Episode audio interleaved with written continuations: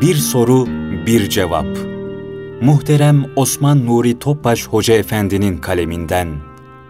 Seslendiren Selahattin Koca Aslan.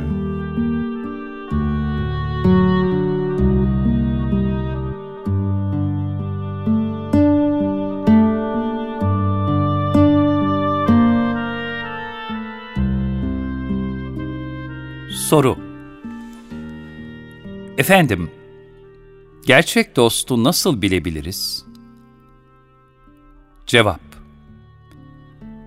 Dostluk, sevenin sevilende kendi hususiyetlerini görmesinden kaynaklanır.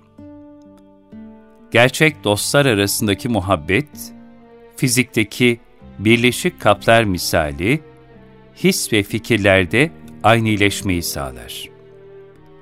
Zira gerçek dostluk, iki gönül arasındaki cereyan hattı gibidir.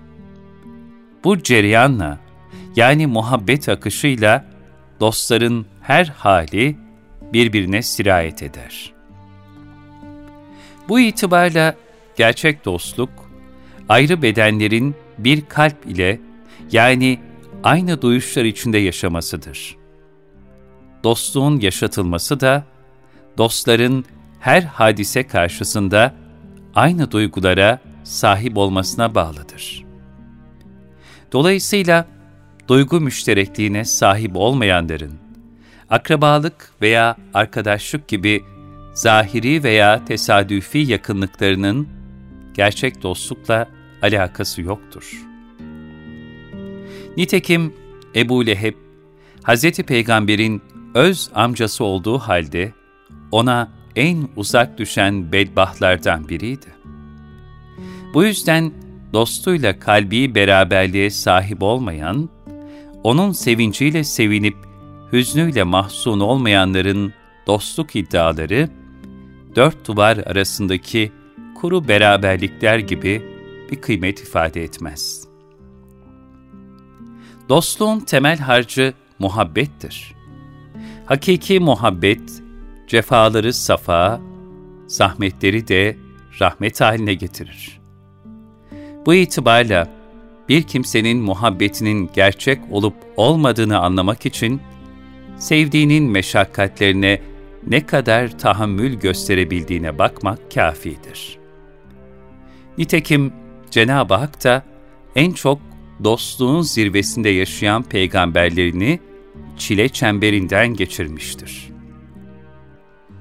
Dostlarla kalbi beraberlik durumunda onların sundukları en acı yemişler ve zehirle pişmiş aşlar bile tatlılaşır. Hz. Mevlana'nın ifadesiyle, bir dosta, dostun cefası nasıl ağır gelir ki? Cefa ve ızdırap bir şeyin içi gibidir. Dostluk onun kabuğuna benzer. Dostluğun belirtisi belalardan, afetlerden, mihnetlerden hoşlanmak değil midir? Dostluk, her ahvalde karakteri değişmeyen bir altın gibidir. Bela ise ateşe benzer. Halis altın, ateş yani ızdıraplar içinde saf bir hale gelir.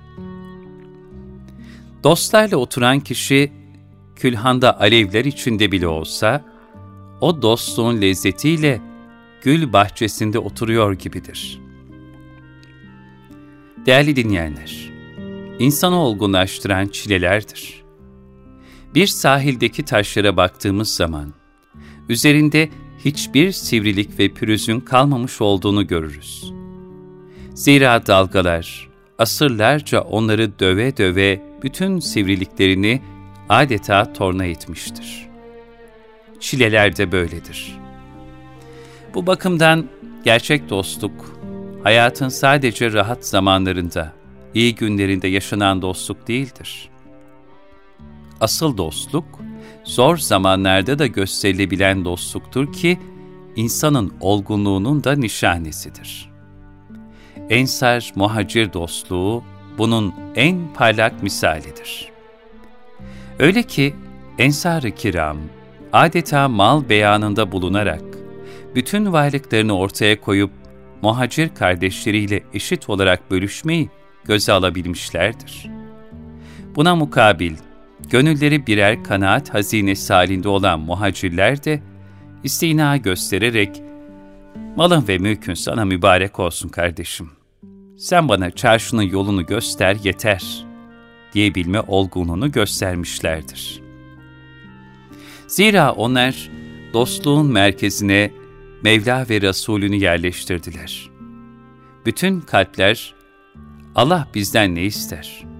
Resulullah bizi nasıl görmek ister? diye ulvi bir heyecan içindeydi.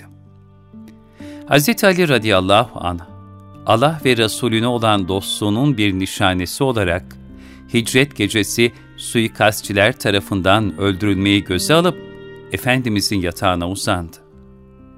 Yine Allah ve Resulüne bir vefa borcu olarak genç sahabiler, Efendimizin İslam'a davet mektuplarını cellatların önünde yürüyerek kralların huzurunda okumayı canlarına minnet bildiler. Yine ensar ve muhacirler her hususta kendilerinden önce din kardeşlerinin huzur ve saadetini düşünerek hareket ettiler. Ashabtan Cabir radıyallahu anh bu dostluk manzaralarından birini şöyle anlatır. Ensar, hurmalarını devşirdiklerinde bunları ikiye ayırırlar, bir tarafa çok, diğer tarafa da az hurma koyarlardı. Daha sonra az olan tarafa hurma dallarını koyarak o tarafı çok gösterip muhacirlere hangisini tercih ederseniz alın derlerdi. Onlar da çok görünen yığın ensar kardeşlerimizin olsun diye az görünen yığını alırlar ve böylece hurmanın çoğu onlara giderdi. Ensar da bu şekilde az olan kısmı kendilerine ayırmış olurdu. Dostluk ve vefa hissinin tarihimizden şaheser bir misali de Sinan Paşa ve Yavuz Selim Han'ın dostluklarıdır. Yavuz Selim Han, 22 Ocak 1517'de Memlükleri Ridaniye'de mağlup ederek Mısır'ı fethetti. Fakat Mısır'a girmekle iş bitmedi. Memlük askerleri dehşet saçan sokak muharebeleriyle mukavemet ediyorlardı.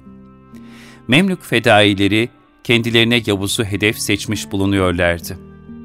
Yavuz'u öldürürsek harbi kazanırız düşüncesindeydiler. Bunu duyan Sinan Paşa durumu Yavuz'a arz etti. Yavuz'un elbiselerini giydi.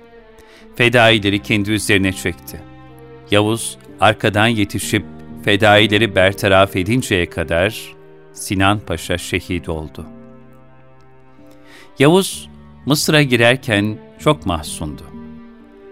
Mısır'ı aldık, lakin Sinan Paşa'yı kaybettik, diyordu. Bu sözleriyle alim ve arif bir dostun kaybını adeta koskoca Mısır'ın fethine denk görüyordu. Velhasıl asıl dostluk zor zamanlarda da sürdürülebilen dostluktur. Mevlana Hazretlerinin buyurduğu gibi, sağlık ve afiyet zamanında herkes dosttur. Ama dert anında, gam vaktinde Allah'tan başka eş dost nerede? İnsanların çoğu saadeti paylaşmakta beraber olmaya gönüllüdürler. Felaket, ızdırap ve zorluk zamanlarında ise ortada gözükmezler. Böyleleri dost değil, menfaatlerinin arkadaşıdırlar. Gerçek dostlar safada da, cefada da zevk ve şevkle beraber olurlar. Hz. Peygamber sallallahu aleyhi ve sellem gerçek dostluğun faziletini şöyle ifade buyurur. Yedi sınıf insan vardır ki, Allahu Teala Hazretleri onları hiçbir gölgenin bulunmadığı bir günde, kendi arşının gölgesiyle gölgelendirir. Bu sınıflardan biri de birbirlerini Allah için seven, birbirlerinin dert ortağı olan, bir araya gelişleri ve ayrılışları bu muhabbetle gerçekleşen iki kişidir.''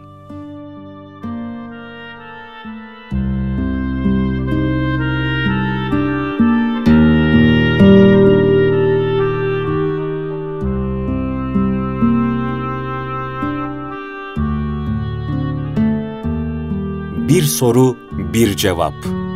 Muhterem Osman Nuri Topbaş Hoca Efendi'nin kaleminden.